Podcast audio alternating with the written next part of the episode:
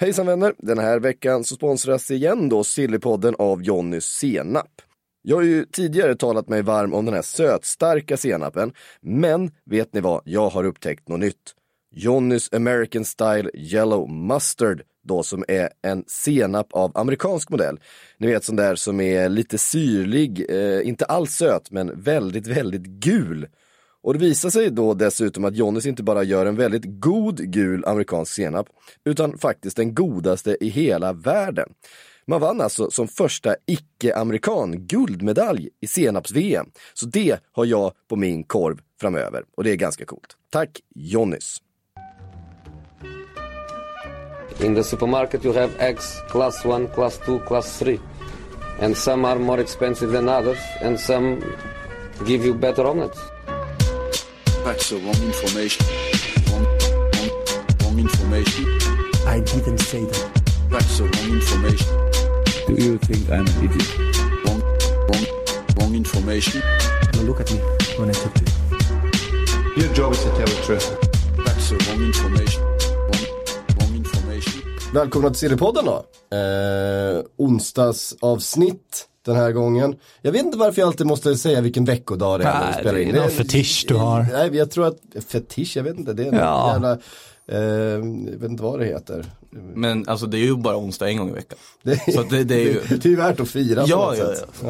Ja. Eh, Makoto Asahara, välkommen hit. Tack. Eh, Patrik Bränning, välkommen hit. Tack. Eh, vi är äntligen tre i studion. Ja, det var länge sedan. Jag är sjuk som en hund, jag vet inte om ni hör det. Eh, jag borde kanske inte gå till jobbet idag, men jag gör det för er kära lyssnare.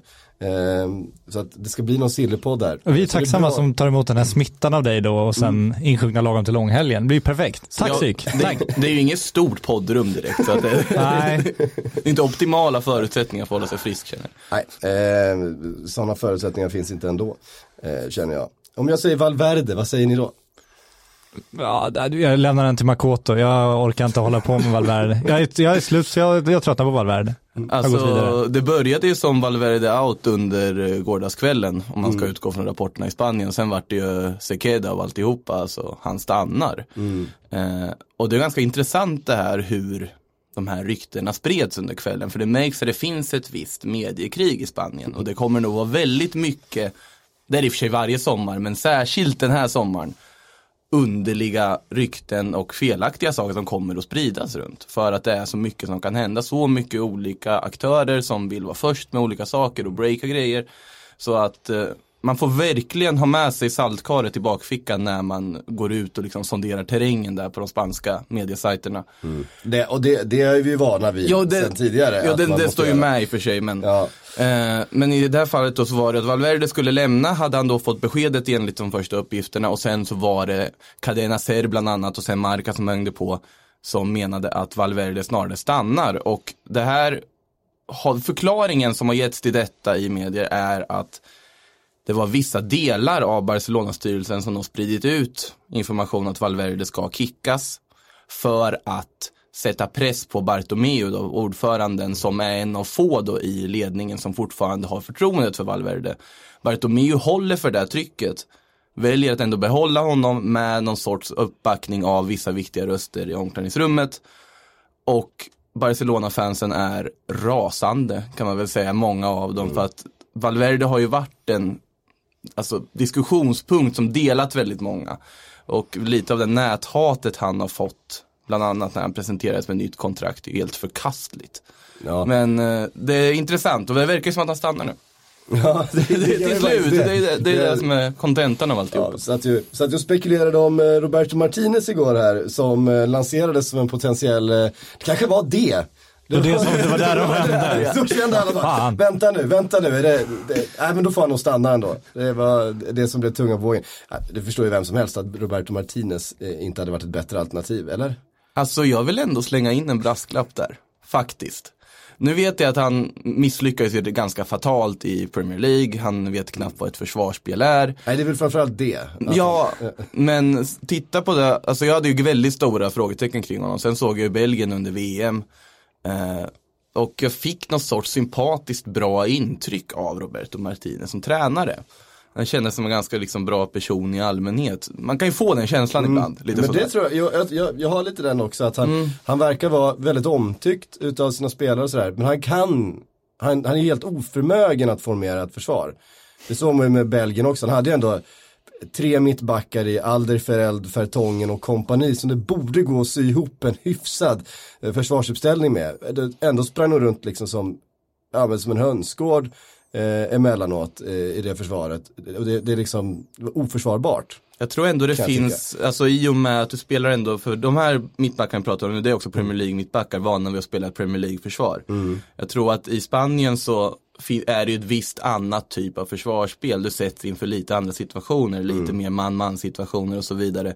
Och det här kan ju bli total fiasko naturligtvis om Martin skulle gå dit. Men på något sätt känns det som att det kanske ändå ska, skulle kunna funka i en annan typ av fotboll. Och det Barcelona behöver är ju en tränare som vill spela en offensivare, roligare fotboll, en mer Barcelona-aktig fotboll än vad Valverde gjort. Det har nästan varit det största frågetecknet då kring Valverde. Och någon med någon form av vinnarmentalitet som kan ingjuta någon sorts förhoppning och liksom tro i laget så att man inte åker på dem. Alltså totala fiaskona i Champions League som det ändå är. Exakt. Ja, det, ehm, och det står han står, alltså, eh, om vi ska fortsätta diskutera eh, Roberto Martinez, vilket jag Vi har ju redan konstaterat att Valverde blir, kvar- Ja, och nu, är- Det är ganska nu en irrelevant halvtimme vad- Roberto Martinez här. Gör just ja. ja. Eh, nej, men han får väl ta över något av alla de andra lagen, han kanske ska till Juventus då istället. Eller hur? se. Chelsea eller? Ja, Nej. Chelsea snarare. Eh, ah, det, det, det är mycket som är oklart här men eh, vi, budet just nu är att Valverde blir kvar ju. Ja. Eh, så är det. Om vi lämnar eh, Barcelona för en liten stund då eh, och rör oss till huvudkonkurrenten i Spanien, Real Madrid. Eh, där jag vet att, ska vi bara för transparensens skull då Makoto säga att du bör vi göra. har en viss... Eh, en, Jag, jag, jag har väl en viss förkärlek för det där laget i vitt så att det, det ska Ja, man väl inte hymla så Du har med. vi- suttit och försvarat Real, som, eller Real Madrid som stad där innan, vilket är helt oförklarligt. Hemsk plats att befinna sig på. Eh, sådär, så att det, det, jag tycker det är bra med transparens. Eh, Jag tycker vi ska ha det i den här, i den här podden. Eh, det ska ju göras en del grejer där. Vi börjar med Sergio Ramos. Ska han, ska han lämna trots allt? Vi, vi dömde ut de här ryktena i måndags. Ja, det, det gjorde man ju. Man satt ju mest och skrattade åt alltihopa. Eh, och det känns just precis som ni var inne på också, det är ju ett spel för gallerierna på ett sätt. Det är sånt här som alltid börjar florera i Real Madrid när stjärnor vill ha lite mer lukrativa kontrakt. Eh, samtidigt så verkar det uppenbarligen finnas en klyfta mellan Ramos och Perez. Eh, det är någonting som jag vet att Carvajal gick ut och pratade om där bland annat att de måste lösa det här, Ramos är viktig för oss och så vidare under gårdagen. Eh, så att man vet ju inte. Och sen så är det ju så att Madrid försöker väl få ta reda på nu vilken kinesisk klubb är det som har gett det här budet. Vart, vart kommer det ifrån? Vart kommer alla dessa pengar ifrån plötsligt? Men sen är också, Ramos är för bra för att dra till Kina nu, på ett sätt kan jag känna. Och då är det verkligen att han går för att få extremt mycket pengar som man kanske ska investera i typ, jag vet inte, göra ett mediebolag som Piqué eller någonting, jag har ingen aning.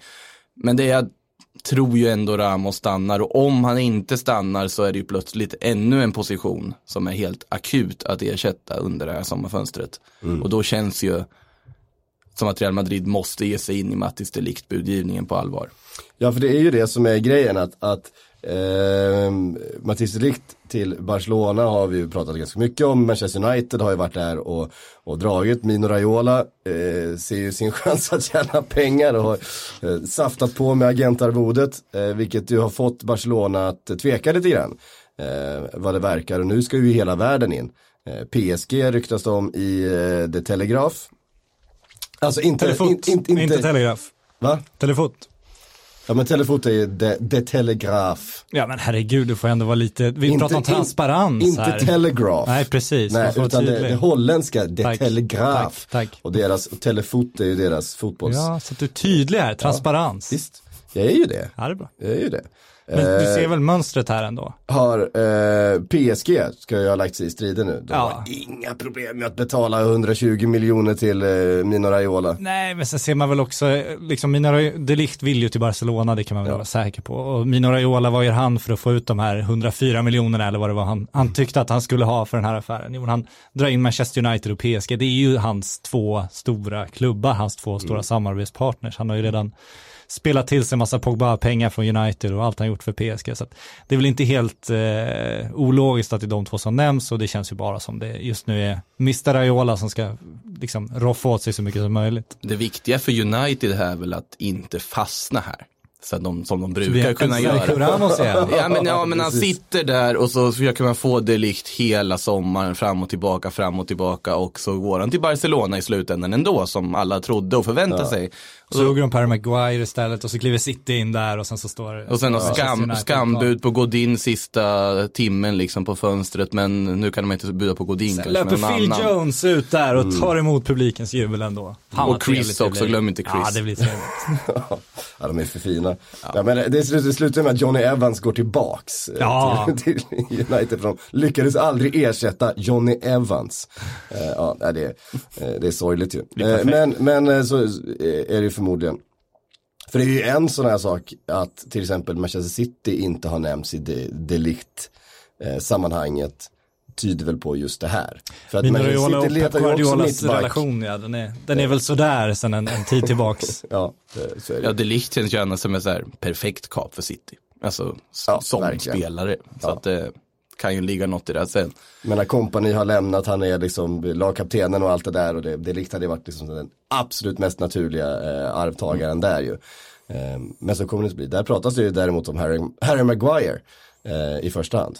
Eh, jag förstår inte det här, alltså varför de här klubbarna tittar på Harry Maguire. Jag kan inte förstå det för Hodor. allt som, Hold on. Så ta in Frida Fagerlund nu. Ta in henne på länk. jag är så Frida. Eh, Nej men det är klart man vill ha in Hodor, men eh, är han Manchester City liksom material? han har inga fötter. Det, är- det, är liksom, menar, alltså, in, in, Nej, nej. men på det sättet liksom. City ska jag, John Stones är ju också en brittisk mittback, men skillnaden på honom är att han har ju lite liksom passningssinne och en passningsfototeknik. Verkligen. Otamendi samma sak, Laporte samma sak. Du måste ju ha en passningsskicklig mittback om du ska spela som City gör. Du kan ju inte, då är ju inte Harry Maguire är ju inte det. Han har ju andra kvaliteter. Ja, jättestort huvud. Ja, Ja, det är kvalitet om inte Ja, annat. verkligen. Ja, nej men United, det känns väl lite som, det pratas fortfarande om Koulibaly, det känns ju som det Ja. blir, allt kommer ju handla om de är beredda att betala det som, som Napoli vill ha där, men enligt Manchester Evening News, som väl ändå är den mest trovärdiga källan till Manchester United-uppgifter, så, så är det han, han är den enda de nämner fortfarande i den där mittbacksjakten på allvar. Så att, eh, det, det ser väl ut, det är väl där pusslet ligger just nu, Maguire till City, Koulibaly till United, och så får Sergio Ramos stanna och så får de Ligt eh, gå till Barcelona. Så Ja. har vi ändrat oss om några dagar igen. Ja, exakt. det har vi säkert. Ehm, precis, nu ska vi tillbaka till körschemat. Men inte grejen med Ramos också för att återkomma dit, Mm. för att knyta ihop nu medan du Ja. jagar ditt fint genomarbetade körschema idag måste jag säga. Mm. Eh, det känns ju lite som, eh, man tänkte ju samma sak med Cristiano Ronaldo på ett sätt, att de kan ju inte släppa honom, det känns Mm. ju helt orealistiskt. Sen tog du ändå beslutet när han då kom, hämtade sitt Juventus, tog dem i sin hand och gick, gick upp till Perez, då sa han ju, ja men du får gå, och man undrar lite, det känns ju lika osannolikt med Ramos, jag tror ju fortfarande inte på det, jag tror ju fortfarande att det är det här transferspelet som vi sett Mm. så många gånger tidigare, men men han är 33 år. Eh, de visade med Ronaldo att ja, men, de kan ta den prestigeförlusten som det ändå är på ett sätt för att det kanske inte är så logiskt att ge en så gammal spelare Precis, det, det finns ju alltid det man tänker och Ronaldo var ju samma sak att det här var ju varenda sommar fram tills det faktiskt blev aktuellt. Nu när det handlar om Ramos så var det ju också Perez var ju ganska tydlig med och sa att ja vi kommer inte ge bort vår liksom lagkapten till Kina gratis, det är inte riktigt så här Real Madrid agerar Nej. kanske. Men däremot så säger att det kommer en miljard på bordet för en 33-årig mittback i ett läge där du vill bygga om en trupp, bygga om stommen. Och man undrar ju fortfarande, vilken del av den här stommen är det som ska bort? Är någonting jag sitter och funderar över för att det skulle bli en total omstrukturering, det skulle bli nya röster i omklädningsrummet. Men då har du en kontraktsförlängning på Tony Kroos, du pratas om att Modric ändå blir kvar trots allt, Casemiro kommer man inte röra på, Varann var ju extremt spel för gallerierna, han blir också kvar, Marcelo blir kvar, Carvajal blir kvar. Vem ska bort då? För att det kommer inte bli någon, ja, Bale, Ja, men men... Bale och Isco, men jag menar det är ju, ja. det är ju inte ryggraden i laget. Nej, precis. Det är inte ryggraden. Det, är, men det är inte de som är de ledande rösterna. Nej. I alla fall inte på spanska för Bales del. Då, men... alltså det, det blir intressant att se. Det kan komma någon riktig sån här smäll och det kanske är Sergio Ramos, vem vet. Men man vill väl som Real Madrid-sympatisör så hoppas man väl inte att Ramos ska nej. lämna riktigt än. Nej, målvakten då, Courtois. Ja, där jag har ju alltid varit för att Keylor Navas ska stå och Courtois-värvningen kändes som lite det här när man går, eh, går på en outlet och handlar och ser något så här riktigt fint klädesplagg för ett riktigt bra pris. Du behöver inte en till skjorta. Egentligen, du har en fin skjorta hemma. Men, ja, men det här är för bra pris för att inte köpa den här skjortan. Liksom. Det här är ett jättefint märke. Den är lite lång i armarna men, eh, men Ja, men, ja, men precis. Det, Kanske det, är inte, in det är inte riktigt rätt storlek men den passar på den där mannequin-dockan som står ja, där. Så att den exakt. funkar nog också. Men det, var, det, det är ett riktigt bra pris. Lite så kändes Courtois-värvningen för mig. Och nu ska man inte tok såga honom efter en säsong men det känns inte som att han riktigt passar i ett lag som Real Madrid. Nej. Sett till vad för målvakt som krävs. Man vill ha en lite kort i rock, en reflexsnabb målvakt som gör så här tv-räddningar. Det är det du vill ha i Real Madrid. Casillas var det och Keylor Navas har varit och gjort det strålande. Så det, det är tråkigt att det har blivit som det blivit. Ja men det enda som Courtois verkligen är riktigt, riktigt, riktigt världsklass på, kanske alltså verkligen bäst av alla på, det är ju att plocka ner inlägg. Men han får ju nästan inga inlägg mot sig när han spelar i Real Madrid. Det är liksom inte ett sånt. Nej, men du har ju Ramos och Varann som plockar bort inlägg. Det behöver vi ja, inte. men de som, de som kommer. Det Ja. var ju en sak när han spelade eh, i Chelsea och de backade hem djupt och det, det, det svingades in hörnor Precis. och, eh, och sådana saker. Han var uppe med sina teleskoparmar och bara plockade ner I allting. Atletico samma sak. Som att spela Ja, liksom mycket. Det, men det övriga, där finns det ju liksom andra, andra målvakter som är eh, lika bra. Det var därför han passade så väldigt bra i England. Mm. Eh, blir inte förvånad fall, eh, fall han återvänder dit. Men det var väl att han själv också ville till. Han ville ju till Madrid, han har ju familj och så vidare där också, ville verkligen tillbaka. Så det var ju han ville Real Madrid såg den här dealen då Ja. och slog till och sen så insåg att man kanske inte behövde den där skjortan. Men den är ju så fin så vi kan väl släppa den här gamla ändå även om den Vi passar kanske bättre. kan sälja vidare skjortan lite dyrt sen också om man har tur. Sen. Ja, det är ju inte målvakter man ska ut och börja rodda och försöka värva den här sommaren. Det finns ju annat då. ja, exakt. Ehm, vi eh, lämnar Real Madrid tillfälligt då. Eh, vi kommer väl återkomma eh, under eh, avsnittets gång här. Det brukar alltid bli så på ett eller annat sätt att man gör det. Bayern München, de brukar göra saker tidigt. Och det är mycket Bayern München i ryktesspalterna för tillfället. Ett bud på Rodri Hernandez ska enligt Bildt då ha i alla fall lagts 70 miljoner euro. Eh, vad säger ni om den här? De är inte de enda såklart att titta på det, på den spelaren. Eh, där har ju också Manchester City nämnts. Ehm, Det är ju ett kap. framförallt Kan- City nämnts. Ja, framförallt City faktiskt. Eh, kan, kan Bayern München knipa den här eh, framför ögonen på Pep? Ja, alltså det känns väl som att sett till hur Citys mittfält ser ut och sett till hur Bayerns ser ut idag så finns det väl en mer logisk plats för Rodri i Bayern kanske. Att man får, liksom finns en annan säkerhet att han kommer få speltid och så vidare. City kanske ska slussas in lite långsammare och så vidare. Eh, så det beror väl helt på liksom vad han själv känner och förutsatt att han vill lämna Atletico. Nu verkar det ju som att han vill det. Och det är ju ganska tufft läge för Atletico att tappa då alltså säsongens kanske absolut bästa spelare i laget för en i sammanhanget då billig summa. Som det ändå är om man ser till priserna idag. Mm, ja, så är det ju verkligen. Jag menar, 70 miljoner, det är ju ingenting. Om du nu tar det, men utköpsklausulen var väl på 850 miljoner svenska va? Mm. Ja, det är ju typ motsvarande 75 Ja, det är det, miljoner ja. euro någonting. Ja. Kronan går inte så bra nu för tiden. Nej, den är svagare. Usel. Ehm, Men om Bayern ska, det blir väl det där klassiska om Bayern, alltså det blir kul att se vad Bayern gör nu, för om de ska buda bort Manchester City, det, han kommer ju få en fetare lön i Manchester City, tror man, men eh, Bayern München måste ju göra om nu, de måste ju kliva in på den nya marknaden, de har sagt det också, de har ju försökt bromsa hela fotbollsvärldens cirkus i flera år, det har väl gått sådär, det har gjort att man har hängt kvar i en Arjen Robben som ska vika in från kanten och det har ju gått ett tag, men nu är ju den eran ofrånkomligen över. har ju faktiskt halkat efter lite grann Bayern München. Tveklöst så, och det är ju för att de inte har investerat, så enkelt är det ju. Och nu måste de göra det och de har sagt att de ska göra det och då är frågan om de också kommer göra om sin lönestruktur och vad det kommer innebära för de, de nuvarande stjärnorna i den truppen och sådär. Om de ska ut och konkurrera om Rodri med Manchester City, förmodligen kommer han få en rejäl jäkla lön då och då kommer ju andra knacka på dörren som det brukar vara. Det blir väldigt spännande att följa Bayern München som ju nämns kring de riktigt stora spelarna, de riktigt stora affärerna nu för första gången på ganska länge känns det som. För det är även Leroy Sané ju. Ja, Eh, precis. Det känns ju som handen i handsken för dem i det här läget. En ung tysk som säkert skulle kunna tänka sig gå med tanke på liksom Peps rotation och så vidare. Som var ju väldigt nära att gå till Bayern München då när City knep honom. Eh, Kanske väl lite mer lön då eventuellt. Jag vet inte. Eventuellt var det Ja, en, en, typ en dubblad lön han vara fick i, i, i City och har ju, eh, får man ändå säga, tagit kliv under tiden i City. Han Ja. var lovande i Schalke men, men nu är han ju en, en färdig världsspelare verkligen. Eh, men är City verkligen beredda att släppa Sané? Alltså, det beror ju på vad de gör istället höll jag på att säga. Men eh, jag tror inte de vill släppa honom. Men när Bayern kommer med ganska bra pengar så finns ju fortfarande financial fair play. Trots allt. Det behövs fortfarande säljas till viss del och med ett riktigt bra bud på bordet så är det väl inte omöjligt att City skulle kunna tänka sig släppa. En Sané som ju haft en väldigt mycket mindre roll i laget den här säsongen, i alla fall vad jag har känt än man kanske haft så är, tidigare. det. så är det. Eh, och nu också Sterling har tagit de kliven han har gjort och blivit en alltså, absoluta världsklasspelare det där är idag. Och så att du har en Mare som har gjort det bra när han kommit in då, Bernardo Silva och så vidare. Och du kommer säkert värva någonting mer offensivt. Mm. Pratas om Joao Felix bland annat som ska in där och Ja, rodda på anfallet. Så det är inte helt omöjligt och jag ser att det är en logisk väg för Bayern att gå. Griezmann tycker jag är ett annat spår som Bayern borde titta på.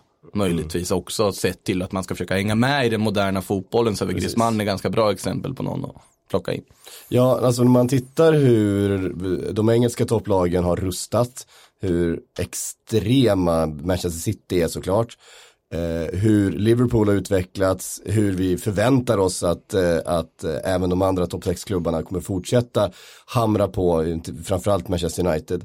Eh, då är det ju liksom de spanska duon egentligen, jag tror inte vi kan räkna med ens Atletico Madrid i, i diskussionen här. Alltså då pratar vi om den absoluta toppen i Europa. Men där, där ska ju Bayern München vara.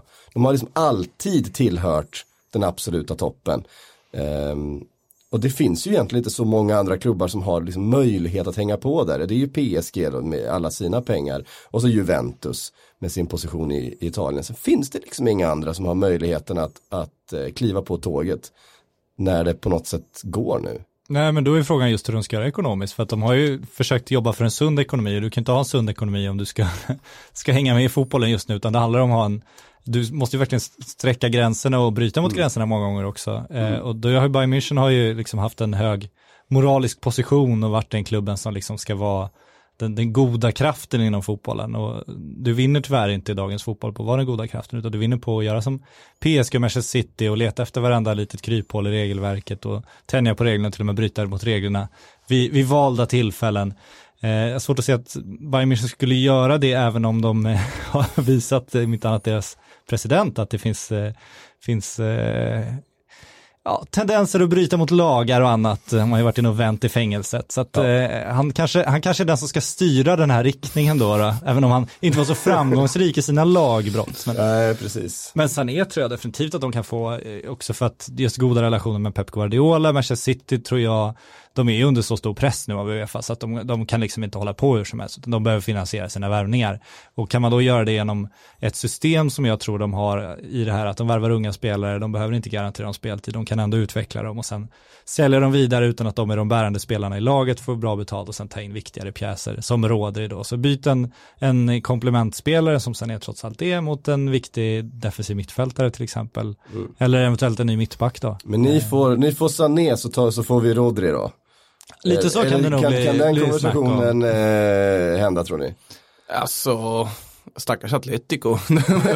säger, ja, men, Ja, men, Men skriver man de kontrakten så tyvärr så Ja. har man ju satt sig i den positionen. ja, så är det. Sen måste du ju skriva en utköpsklausul. Jo, men du kan ju sätta den på lite vad du vill också. Du hade ju kunnat höja den. Såklart, såklart. Det är, om man, det är lätt att vara efterklok som vi Ja, kan så säga. är Det, det. det är ju lite så.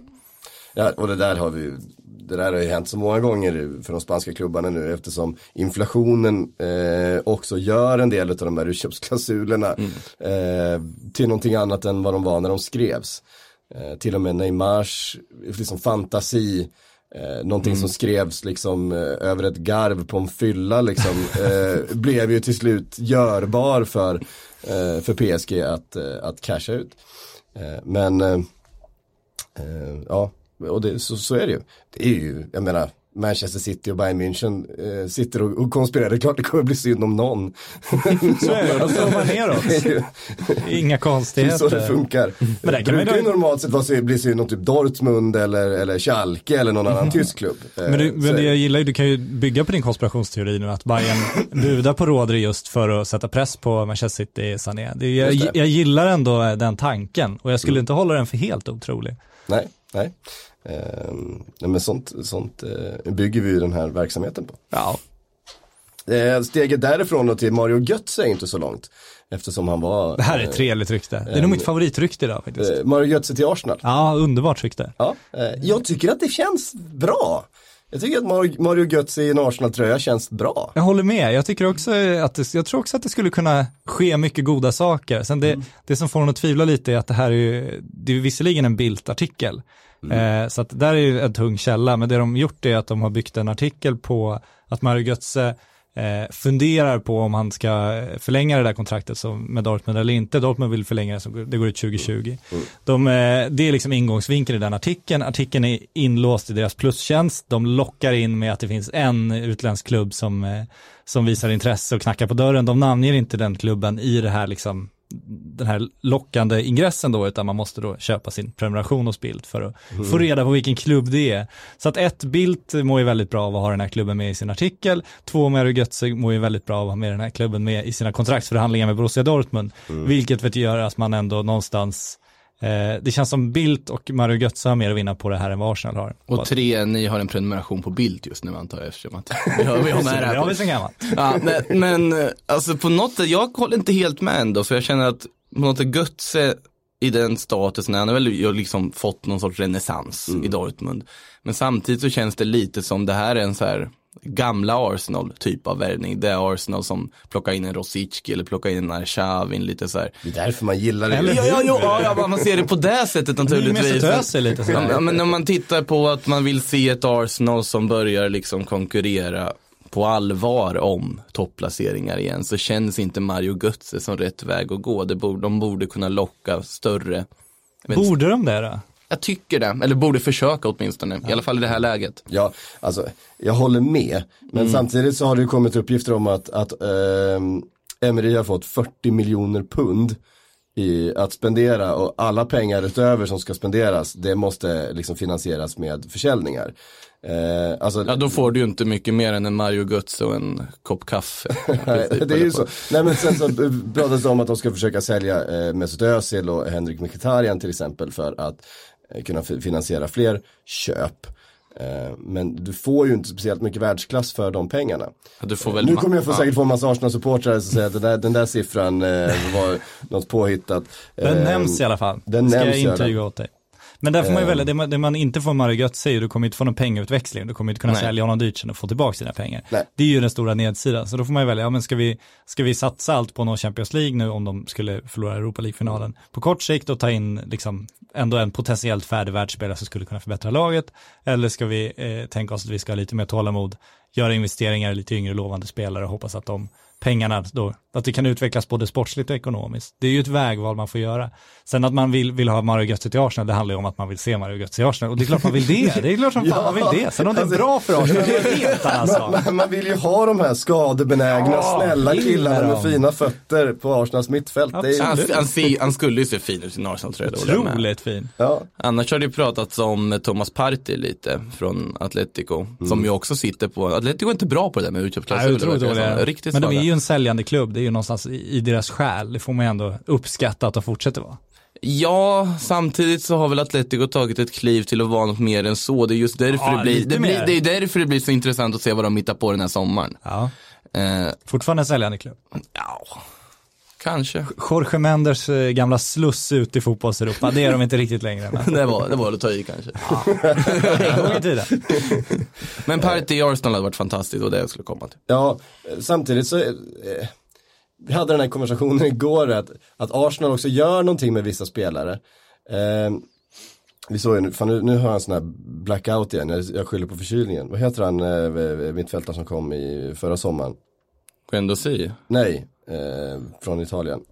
Eh, Torreira. Torreira ja. Eh, som kom in som en viss typ av spelare med liksom oerhört mycket, det var någonting annat än vad Arsenal hade, det var så mycket eh, pannben och, och, och, allt det här. Men att han under liksom säsongen blev mer och mer Arsenal, Arsenal-spelare och slutar som en ganska fin kille. med, eh, med, lite poängfot och, och så, nej inte så mycket poängfot heller i och för sig. Men, men eh, jag vet inte, han tappade någonting under säsongen utav just det där som var, gjorde honom till unikt i det här laget med, med inställning och med, eh, med liksom lite hörntänder sådär. Det, det, tar ju ett tag att liksom uh, Man ska inte underskatta Arsenal-faktorn här. Alltså. Nej, nej, men det tar ju ett tag att renovera ett omklädningsrum om vi säger så. Och det mm. har ju suttit i väggarna där på att det blir lite sådär, att det får den effekten, någon sorts vinnarmentalitet liksom blåses bort någonstans och försvinner ut liksom i uh, tapeten eller något och bort. Men, och det tar ju ett tag, Emery måste ju göra någonting. Jag, vet, jag var ju tveksam på om han är rätt man för att bygga en vinnarmentalitet riktigt har jag känt. Mm. Nu tycker jag att ändå han har fått en bra start med det här laget på något sätt. Men det ligger ju något i det du säger. Alltså, alltså, Uruguayanska gnistan på något sätt bara försvann lite. Men man, man, man känner, alltså skulle man gå ut med det här laget, det är så här Bejerin och Guendouzi och Alltså det är ju inte... Det är mysigt. Det, det, det, det, det är som ja, det, är, det, är det är inte fara på stan. Nej, nej, man är nej. inte ute med, med Vieira och, och, Tony Adams liksom. Eh. Men det beror på vad man är ute efter på en kväll ändå. Ja, alltså, ja, men jag tänkte, att Bejerin känns ju som någon som kommer hitta de här riktigt fina liksom okända vinbarerna på Söder. Alltså... Det är det de brittiska fotbollssupportrarna suktar efter, de riktigt fina okända vinbarerna. Det är så, det är, det är, så, det är så man vinner borta, borta mot Burnley liksom. Eh, nej men, eh, och jag, jag älskar ju Beirin, jag tycker att han är liksom, kanske, liksom en av de spelarna i hela fotbollseuropa som man eh, gillar mest just nu. Men det är också för att han är just den här killen, alltså den här fina, eh, väldigt sådär ödmjuka Vågar ta ställning ibland på sociala han, medier. Han, han vågar, mm. vågar, ta ställning, han är liksom, eh, han är lite PK, han är modemässigt utsvävad, han är liksom hela allt, allt det där som man mm. tycker så mycket om. Eh, Erik med, Berg upphöjt till 50. Ja, precis. eh, men vi är ju alla överens om att Arsenal behöver någonting annat också. Eller hur? Ja, jo, jo det, det kan vi hålla med om. Um, de behöver lite, lite fina vinbarer också. Så att, och jag menar, Mario Götze han hade ju trivts jättebra på den där utekvällen ju med lite vinbarer och, och... Ja, han dricker nog inte vin, det tror jag inte Mario Götze gör. Han går in i sin lederhosen fortfarande. Och... Ändå, ändå tysk Simon Tibbling på något sätt. Ja, den är bra. Det är sant. Alltså. Ja. ja, han får, eh, han har kinderna för det. På något ja, sätt. Ja. ja. Ah, ja, eh, det var Mario Götze. Har han, har han Simon Tibblings modeintresse undrar man ju också, eller? Eurovision-intresse. Ja, så kanske det ja. oh, man, Mario Götze känns ju verkligen som en kille som kollar på Eurovision. Life is made up of many gorgeous moments. Cherish them all, big and small, with Blue Nile. Whether it's for yourself or a loved one, Blue Nile's unrivaled selection of expertly crafted fine jewelry and statement pieces help make all your moments sparkle. Blue Nile's experts are on hand to guide you, and their diamond guarantee ensures you get the highest quality at the best price. Celebrate a life well lived in the most radiant way and save up to 30% at BlueNile.com. That's BlueNile.com. Oh. Gör han inte det? Ja, och dricker öl och äter pretzels. Nej, det är lite för klyschigt. Men ja, nej, jo men han känns som en, en man av folket, det tycker jag ju. Ja. Beirin kollar nog inte på Eurovision tror jag. Nej det tror inte jag heller. Nej. Nej. Han är på operan. Uh, ja, nej men inte han på någon sån här astrendig uh, djup houseklubb någonstans ah, med en massa nej. fotomodeller. jag, jag tror mer på houseklubben ändå. Jag tror på operan. Det finns ett klasskomplex där. Vi får fråga honom. Det är, något slags komplex finns det ja, som i alla fall det, det, så är det ju. Eh, Romelu Lukaku har enligt eh, italienska medier varit nere och träffat, eller varit nere, de har setts någonstans i alla fall, Inters eh, representanter. Eh, han ska vara sugen själv på att lämna Manchester United. Eh, men, och ska också eh, väl vara överens med Inter eh, med, sina, med någon slags personligt kontrakt. Eh, men det verkar väl som att eh, Manchester Uniteds värdering utav eh, Lukaku och Inters värdering utav honom är rätt så långt ifrån varandra i det här skedet. Kan de mötas tror ni? Alltså det låter ju som att det här kommer mynna ut i någon form av lånedeal. Känns det ju som. Det brukar alltid... Inte italienare involverade och det är mycket pengar. Ja, men det. det, mynnar ju alltid ut i en lånedeal förr eller senare på något sätt. Lån med köpoption och så vidare som på något sätt på sikt funkar och United får in pengar på sikt. Då. United förstår ju, de måste ju försöka finansiera att bli av med Alexis Sanchez för det kommer väl kosta dem pengar i princip att försöka bli av med. Eh, Men det känns ju som en logisk affär för båda parter. Det är också intressant att vad händer med Mauro Icardi? Är ju till exempel, för det känns ju inte som att Icardi Lukaku ska lira anfallspar i Inter om vi säger så. Det hade varit roligt att se. Det hade varit jätteroligt att se. Mycket som har varit kul att se. jag hade velat se Harry Redknapp ta över Real Madrid bara för sakens skull. Men man får inte allt där i livet. Eh, men alltså Lukaku känns ju som, det kan ju vara Det kan vara en supervärvning, vilket jag tror, för det är en spelare som har otroliga kvaliteter om man får liksom ja, komma verkligen. igång och hitta rätt. Med Conte. Ja, precis. Så jag tror att det, det känns som en så här bra affär för alla parter på något sätt. Så vi kan väl få se ett lån. Med en köpoption.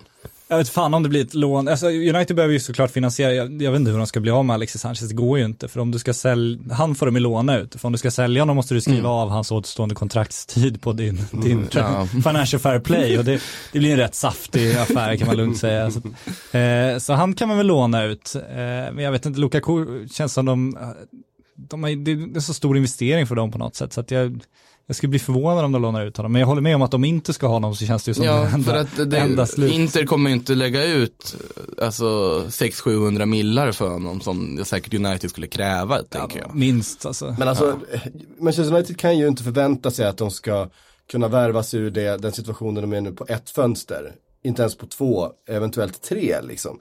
Eh, det här fönstret känns som att den stora ekonomiska smällen måste göras för att, att skära bort det som behöver bort. Alltså, Ja, du, måste alltså- ta, du, måste, du måste nog acceptera att du får inte så mycket pengar för Lukaku Nej, precis. som du hade hoppats. Men är det värt att sälja någon då? Är inte Lukaku en spelare som fortfarande kan göra saker för Manchester United? Har han inte liksom en möjlighet att ha en plats där i det anfallet? Vem ska in istället? Vem ska vara helt gjuten där? Vad är det liksom som gör att, att de ska ta den ekonomiska förlusten på honom? Vad är det de ska öppna för? Vem är det de ska få in istället? Det är fortfarande svårt att se. Nej, och då är det ju Fellaini. liksom, är det, de, är det, är det Rashford och, och Lingard eh, som ska leda den där, eh, det där anfallet och sen så fylla på med någonting eh, bakifrån. Ehm, Det känns ju som Lukaku är ett bättre alternativ att ha kvar i truppen då kan jag tycka. Så att jag, absolut. Och om man läser Manchester United News idag så är det just att ja, men de kan tänka sig att sälja Lukaku men det handlar om liksom hur mycket pengar de kan få. Och det, det tror jag också att de kan tänka sig att sälja Lukaku om de får en miljard. Det, då tror jag, det är klart de släpper Men här Lukaku. finns det väl också en lönestrukturfråga. Liksom Lukaku sitter på ganska fett kontrakt. ja. Om man jämför med och sett till vilken roll han har i laget. Ja så är det. Samtidigt så är det ju, just det är ju ett kontrakt United kan hålla om man ska man prata om feta kontrakt sett i roll i laget så har de ganska många, många större Ja, problem. och- så, så, Lukaku så är det ju nu, så att- naturligtvis.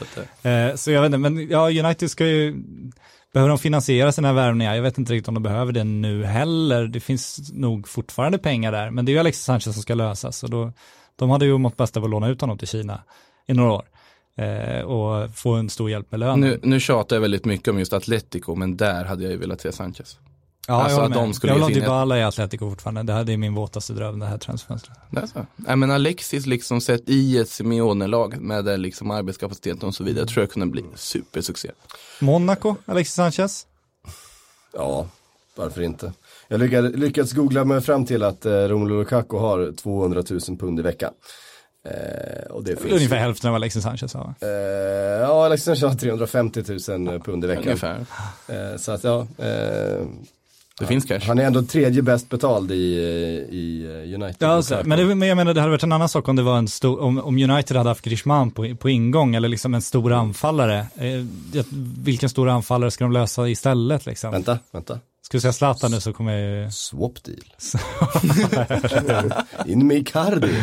herregud. Det Ja, känns, svår att säga. ja, Vi- För nu ska bygga omklädningsrum här och vi ska ha liksom enhet och bygga upp från grunden. Då är det klart att Icardi ska in.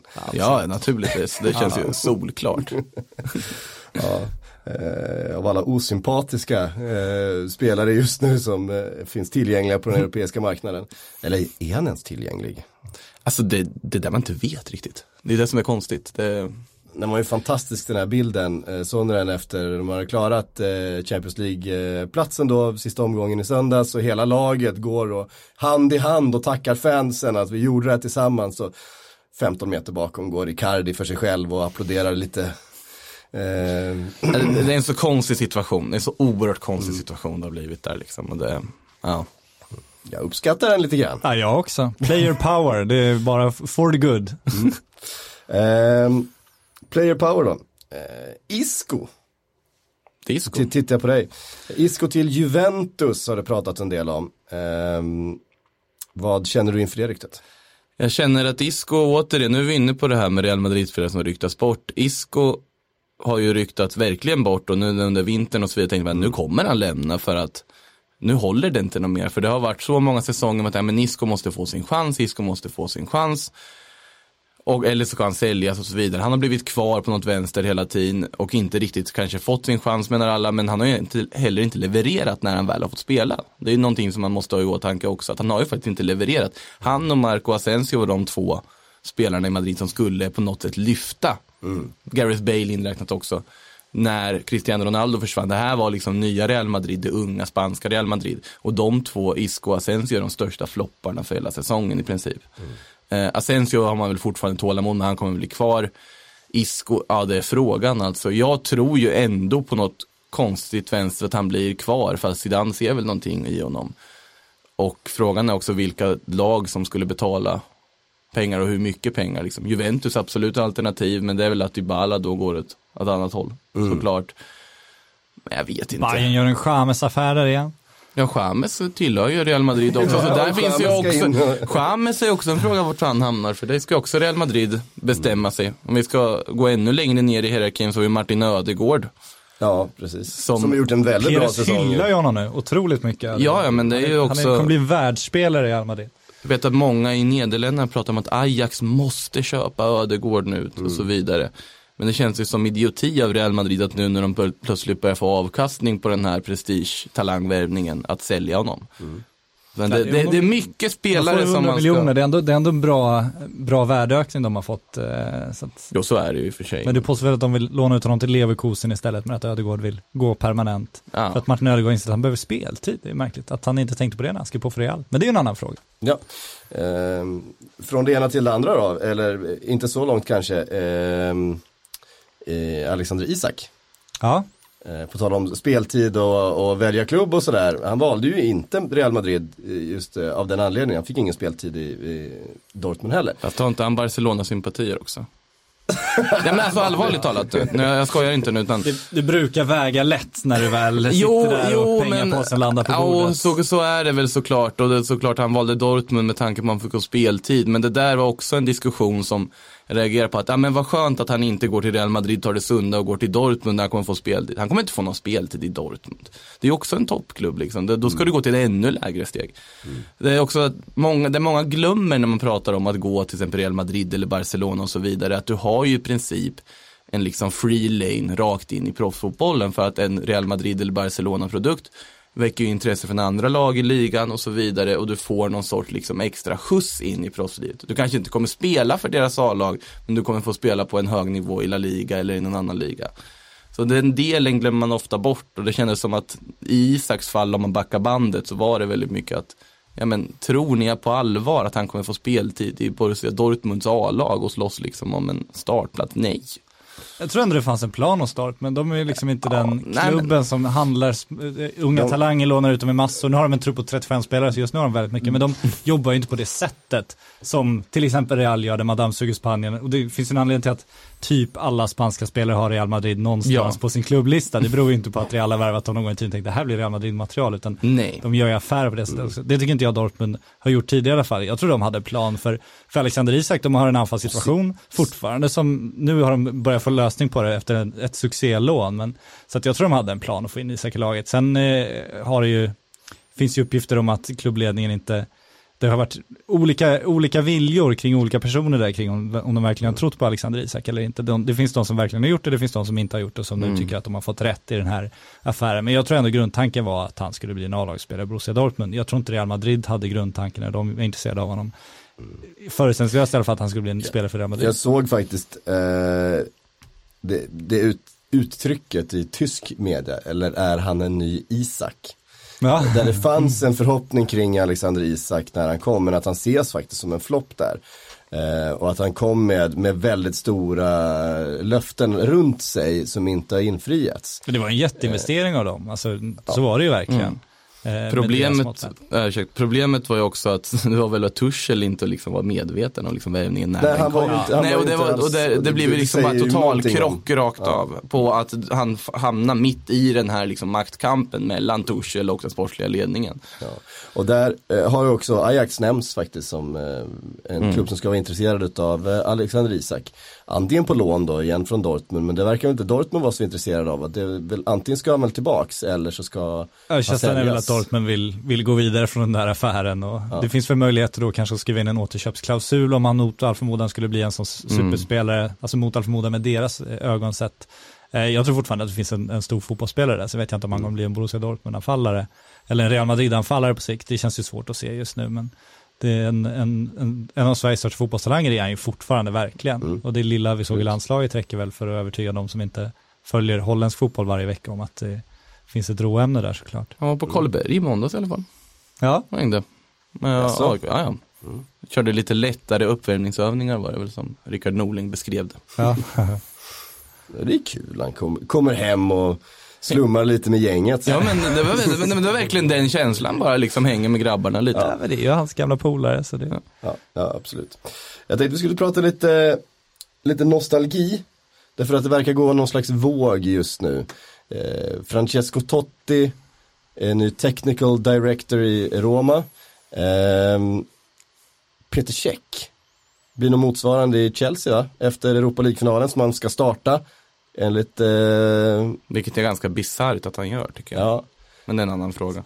Det är lite bisarrt. Samtidigt så håller jag ändå med eh, Emery när han säger att det är liksom ändå Peter Cech. Det är inte så att han kommer, han kommer inte kasta in bollar. Eh, han kommer göra sitt absolut bästa.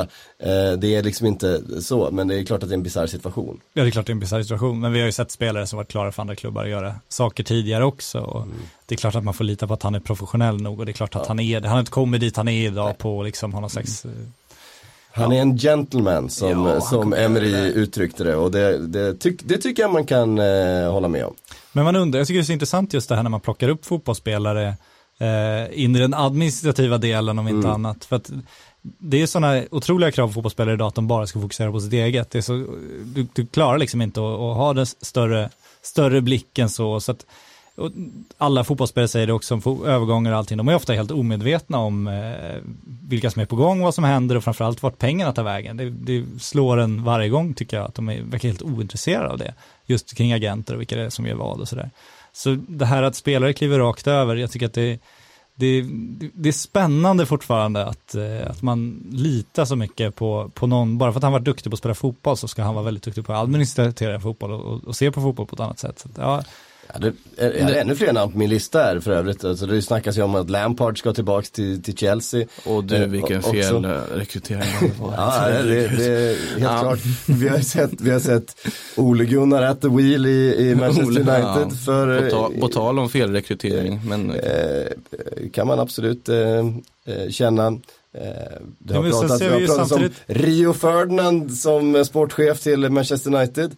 Vad säger ni? Och vi ser ju så att de mest framgångsrika tränarna nu när Premier League äntligen har insett att man liksom, det är ju tränarna man ska investera, så ser vi, det är ju inte de största spelarkarriärerna som blir de största tränarna. Guardiola hade ju en väldigt fin spelarkarriär, men det är ju liksom inte någon slags garanti det är inte så att Maradona har varit Zidane- bländande som fotbollstränare. Nej, alltså Zidane är väl är ju på något sätt känd som undantaget som bekräftar regeln, eh, det idiotiska uttrycket, men Ja. han känns ju som i alla fall undantaget i det här.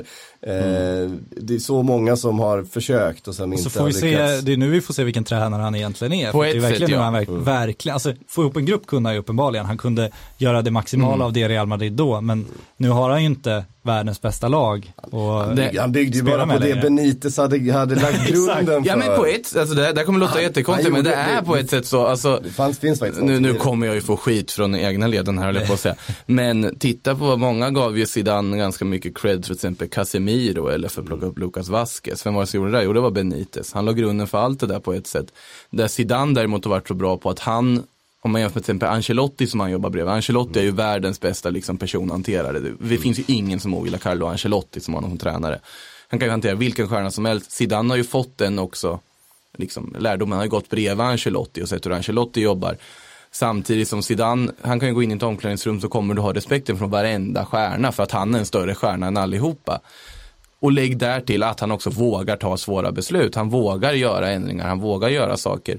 Nu kommer ju dock, nu ska det ju vara sportchef Zidane som ska börja agera för att Real Madrid har fortfarande, bisarrt nog, ingen renodlad sportchef i klubben. Så det är ju Zidane som kommer ha fria tyglar och göra vad han vill. Peres, vad fan? Ja, men per, Peres är han som säger, okej men nu kommer pengarna där så, så jag vill ha honom, säger Zidane.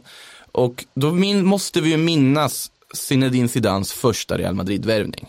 När han var ansvarig för B-laget. Så plockade han in Eero Markkanen från AIK. Efter att ha sett honom på YouTube och sa, honom ska vi ha. Eh, nu kommer absolut inte det ske något liknande här, men man undrar ju samtidigt, det skulle jätteintressant att se, vad väljer Zidane att göra? Hur väljer han att bygga den här truppen och vad kommer det att bli för någonting? Han är onekligen en matchcoach, han är onekligen någon som kan bygga en bra mentalitet i en grupp. Men nu är det som sagt, nu är det verkligen upp till bevis. Det blir väldigt intressant i helgen här att se ifall Hazard ehm, liksom present, inte presenteras men att, att nu mer börjar packas väskor eh, hos familjen Hazard. Det var ett, fantastiskt rykte kring hans eh, grabb ju. Hans nioåriga son Jannis va, som eh, inte valde att förlänga sitt medlemskap med Cobham FC utanför London för att familjen inte vet om de är kvar nästa år. Nej, exakt. AS skriver nu precis innan vi klev in här också att eh, han ska presenteras på måndag den tredje och att de också förbereder för Luka Jovic och för Mendy men att de presentationerna inte spikar än. Nej. Så det är senaste budet. Och det är klart att Hazard in och en Luka Jovic är en spelare som ska spela. Ehm, Benzema behöver ju lite avlastning, nu kommer ju Benzema vara första valet på topp, även nästa säsong. Benzema är alltid första valet på Precis, topp. Benzema, Älskar Benzema. Ben, Benzema sitter i väggarna nu på Bernabéu, det, det är inget att snacka om. Och han har faktiskt varit fantastisk. Det är han som är den nya ryggraden, då har vi kommit Ja. fram till det. Det är ju Karim. Karim. Alltid visat gott omdöme också. också en jävla ryggrad. Eh, Han sitter i väggarna. Och, och små, små kameror. kameror. Förlåt. Ehm, Satt den. ja, Nu var du nöjd, nu är du nöjd. Fick vi, fick vi in den Ja, också? den ska in. Den Ska in. Ja, Nu är du nöjd. Eh, vi ska också ha in lite frågor, tänkte jag, eh, i vanlig ordning. Jonas Nilsson har skrivit, eh, jag har slagit vad med en kollega om att Alvaro Morata spelar i Frankrike nästa säsong. Det står en lunch på spel, vad har jag för chanser att förtära sagda måltid? Tyvärr, Inga så, chanser. ja, tyvärr så blir det nog att han får punga ut eh, slanten för lunchen själv här alltså. Eh, jag tror att Morata är nog Atletico nog lite intresserad av att behålla honom som ett komplement, särskilt när Griezmann försvinner, särskilt Diego Costa antagligen försvinner. Det kommer komma in någon anfallare till i Atletico, men jag har svårt att se att de ska gå, eh, liksom, frångå att spela med två på topp. Och Nikola Kalinic kommer de inte satsa på. Så att Mora, det, kän, ja, men det känns logiskt att behålla Alvaro Morata i alla fall. Enda Och Chelsea hoppet- borde väl inte vara allt för intresserade av att Nej, Sen finns det, ju, finns det ju transferförbudet också. Som Ja, det är det liksom, så att om någonting är det ju att, att Chelsea känner att de behöver Backupen Eh, vi behöver, behöver fylla på med folk liksom, med kroppar.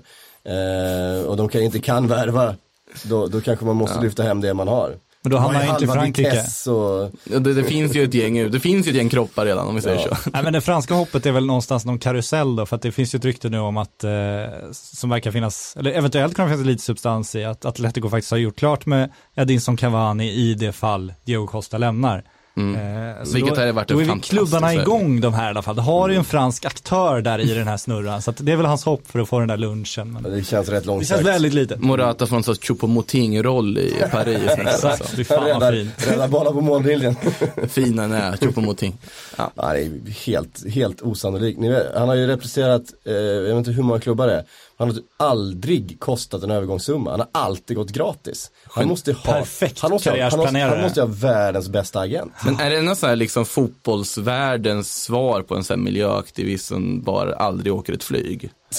alltså jag menar liksom så här, som någon sorts protest mot liksom dagens ekonomi. Liksom. Jag går inte för en transfersumma, jag håller inte på Nej. med sådana dumheter. Nej precis, han har, jag tror aldrig han har kostat en transfersumma i sin karriär och han har liksom bytt klubb åtta gånger eller något sånt. Genialt, då vet man vart pengarna hamnar. Det är fint.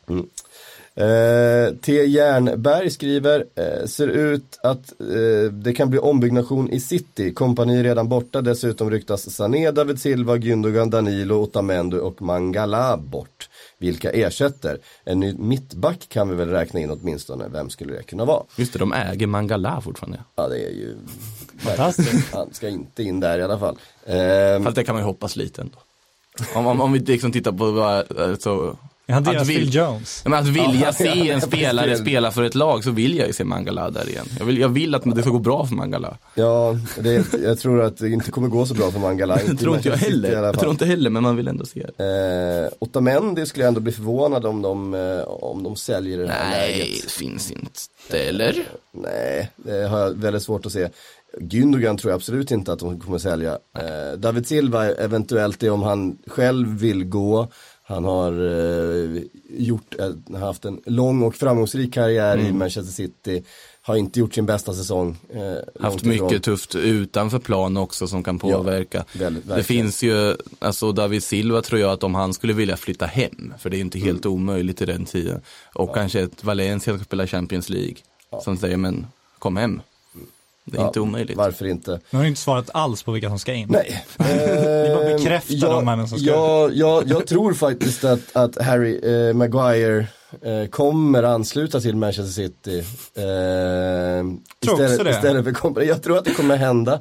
Ja, det, det, det blir för sig kul att se. Det, Han- det, är alltså ja, bara... spelare man vill se, Ja, herregud. faktiskt. Det, kan, ju- Det är som ja. ett socialt experiment. ja, men precis, det är, ju ett socialt, det är ju ett socialt experiment att skicka Harry Maguire till sitt, Ge mig det. Ja. till ett Pep Guardiola-lag. Det är ju, nej, det, är, det är fantastiskt. Alltså, det, är, Maguire, Rodri då? Det känns ändå som de slår Bayern München där. det är inte mycket samspel mellan dem. Mycket. nej, nej, nej. Maguire skickar över Rodri. Ro- Ro- Rodri kommer ner och hämtar boll. Vad ni pratar om. Harry slår den långa på Agüero som ska upp och kriga eller Såg ni, det var, såg ni inte hans eh, soloräd mot just City i den matchen som kompanisen avgjorde? Han hade ju en, han dribblade ju typ eh, fyra, fem spelare på kanten där och, eh, och sen minns jag inte vad han gjorde av bollen. Ja, Det var väldigt fin faktiskt, det var ganska Ja. överraskande. Han blir winger alltså. Ja, han, han, Nya drog, Sané. han, han, han drog iväg det, men det var också så att ingen förväntade sig att han skulle peta och springa. För det var ingen som trodde han kunde det. Ehm, Och det är ännu, men- ännu färre som förväntar sig att en city-mittback ska ta bollen och bara springa över hela kanten liksom fram utan att passa den. Så att det... Ja, Det blir briljant det där. In ja, Harry jag ändrar mig, det här blir, det här blir kul. Ja. Det här blir kul. Ja. Ehm, nej, men Harry Maguire och Rodri då. Ja, och sen ska de väl om de då ska ersätta Sané på något sätt så lär väl, då hittar väl Pep någon, någon Felix kanske. dyr kille han tycker väldigt mycket om. Ruben Diaz är väl ett namn som nämnts också. Benfica-talangen, det känns ju som någon sorts ganska låg. Det känns som en cityvärld. Det känns som en city-värvning, en ö- över, alltså, Känns som en Wolverhampton-värvning tycker jag. ja, för att han är för dyr tror jag, han är för dyr. Alltså det är en väldigt dyr 19-åring från Benfica som är mittback, det känns väldigt city tycker jag. Jag skulle inte förvåna mig om Ruben Diaz. Han pratar ju som till Atletico också. Atletico tog in Felipe från eh, Porto istället så har ju löst den mittbacksfrågan tills vidare i alla fall. Så att Ruben Diaz säger jag är ett namn man kanske ska hålla koll på. Right. Um, Apex Triplets eh, har undrat, går uh, Lo Celso från Betis då, säger man Lokel? Lo Celso. Lo Celso eh, till Spurs? Eh, den är lite intressant. Ska Spurs värva påstår du? Ja, alltså, Redan där är ju illa ute. Han, blir då, han blir då den andra spelaren efter eh, Lucas, ehm, Mora. eh, Lucas Mora att ansluta. Det är alltså, så det länge inte en liten av Lucas Mora-värvning också då? Väl Nej, mi- det- misslyckade PSG? Nej, nej, nej, nej, nej, nej. Alltså, Lo Celso har ju varit helt briljant för Betis. Ja men i PSG, Ja men i PSG där var har han han inte briljant. Nej men han har inte riktigt fått chansen där. Betis fick ju honom förvånansvärt billigt och förvånansvärt nog med en klausul väldigt sent in på liksom förra transferfönstret. Och i Betis har han ju visat liksom repertoaren som han har. Nu har ju Betis som lag mest bara passat runt bollen och inte kommit någon vart för de har ingen anfallare som kan göra mål. Och de har en Kike igen som tränare. Men Los Elso, absolut, Betis köper ju tillbaka honom medvetna om att de kommer antagligen behöva sälja honom vidare. BBC var det som skrev det att det var ett bud på, vad var det, runt 50-60 miljoner pund då, som hade lämnats och det känns ju som ungefär vad en Lo Celso skulle kosta och det känns som en ganska klok värvning sett i det spelarmaterialet Tottenham har idag så jag säger ja på den. Ja, vad bra. Försvinner Eriksen då eller vad, vad sätter man in en Lo Celso? Nej men det är också så att du måste ju ändå, det Tottenham behöver, de har ju en väldigt fin startelva. De behöver ju bredda den här truppen. De behöver bredda för att på allvar kunna slåss en hel säsong i Premier League för att inte sitta där med liksom skadeproblem och slå långa på Fernando Llorente som i och för sig har varit bra ska tilläggas. Inget fel i det. Fernando Llorente är fin, men du behöver en bredare trupp. Du behöver få in liksom mer folk så det inte blir liksom olika Harry Potter-karaktärer de kastar in på plan som Oliver Skip och Harry Winks och äh, men allt. Nu är du hård. Nej, men- nej, men alltså, Skip, det- Skip kan jag hålla med om, men, men Harry Winks, Winks har varit bra, Winks har varit bra men liksom Spela CL-final bara, så jag känner att den här, principen, den här, den principen. här avrättningen av Tottenhams trupp vet jag inte om den är, den är motiverad riktigt. Nej men Jag älskar principen. ju i och för sig Harry Potter-karaktärer. Ja, jag tar den med mig den. Ja, men pri- principen liksom, att Tottenham behöver bredda och Lo Celso känns som ett perfekt komplement in i den här truppen. Tottenham måste ju börja spendera alla de här pengarna de sitter på just nu. De har ju hur mycket som helst som de inte har spenderat. Det är bara att köra. Eh, 88 miljoner ska han ha i utköpsklausul, Lo Celso. Ehm, Euro, pund, vad pratar pund, 88 miljoner pund. Det är lite saftigt. Det är ganska mycket pengar och det är enligt, enligt eh, vi? Det betalar inte Tottenham. nej, Nej. Eh, enligt Daily Mail så ska de eh, kräva eh, att hela utköpsklausulen ska betalas medan Tottenham eh, har då lagt det här budet på 53 miljoner pund. Eh, och är väl där de, De- ser. de stannar nog där. Att de ser, ser ja, så det, det är ändå en 300-400 miljoner kronor till som ska upp på bordet före det händer. Så att eh, det kommer inte bli klart nästa vecka, det tror jag inte. Nej, men då ska Betis också förklara för Lo Celso sen att nej, du får inte gå till Tottenham utan du ska spela med oss. Liksom när han någonstans ändå kanske kom dit som en, För att använda det som en karriärbräda exakt, vidare. och Så som att lite det- av en tjänst i den klubben på ett sätt då också, att, att han kunde tänka sig gå ner ett steg för att ta ett steg upp. Liksom. Så att, ja, det känns ju, det blir svårt för dem att, och, Behålla honom ja. exakt. Mm. Så, det var onsdags eh, Ja, det kom dagen igen av, ja. eh, av, Gud vad du njöt, du gjorde nästan en konstpaus innan du ja, så här, konstpausen var ju för att nu ska jag få säga onsdag igen. Ska jag säga onsdag igen? Äh, det är någon slags Tourettes jag har. Mm. Eh, så är det i alla fall. Tack för att ni har lyssnat. Eh, tack för frågorna. Tack för att ni var här, Makoto och Patrik. Eh, Sillypodden är tillbaka på måndag igen. Och Sillybloggen däremot, eh, den dundrar på hela långhelgen här. Så att eh, följ den. Glöm inte botten. Eh, och ni som ska kolla Europa League-final ikväll och sådär, missa inte att Aftonbladet Daily intervjuade Erik Niva igår. Han pratar om eh, Baku, om eh, historiken bakom, väldigt mycket eh, bra där eh, kring problematiken runt den finalen och även lite grann inför Champions League-finalen som är på lördag. Det bara rasslar av kickbacks till influensen Patrik Syk nu när han gör den här reklamen för de olika delarna. Det är härligt, det undrar vi dig. Ja, det, det, Helt det, rätt. det, det är värd. Ja, absolut. Och så hörs vi på måndag igen, Ja. helt enkelt. Och då har vi förhoppningsvis en massa nya spännande saker som har trillat ut då, eh, efter de stora Europafinalerna. Eh, det ser vi fram emot. Bra! I think I worked for 16 years here in England, and I deserve a bit more credit than wrong information.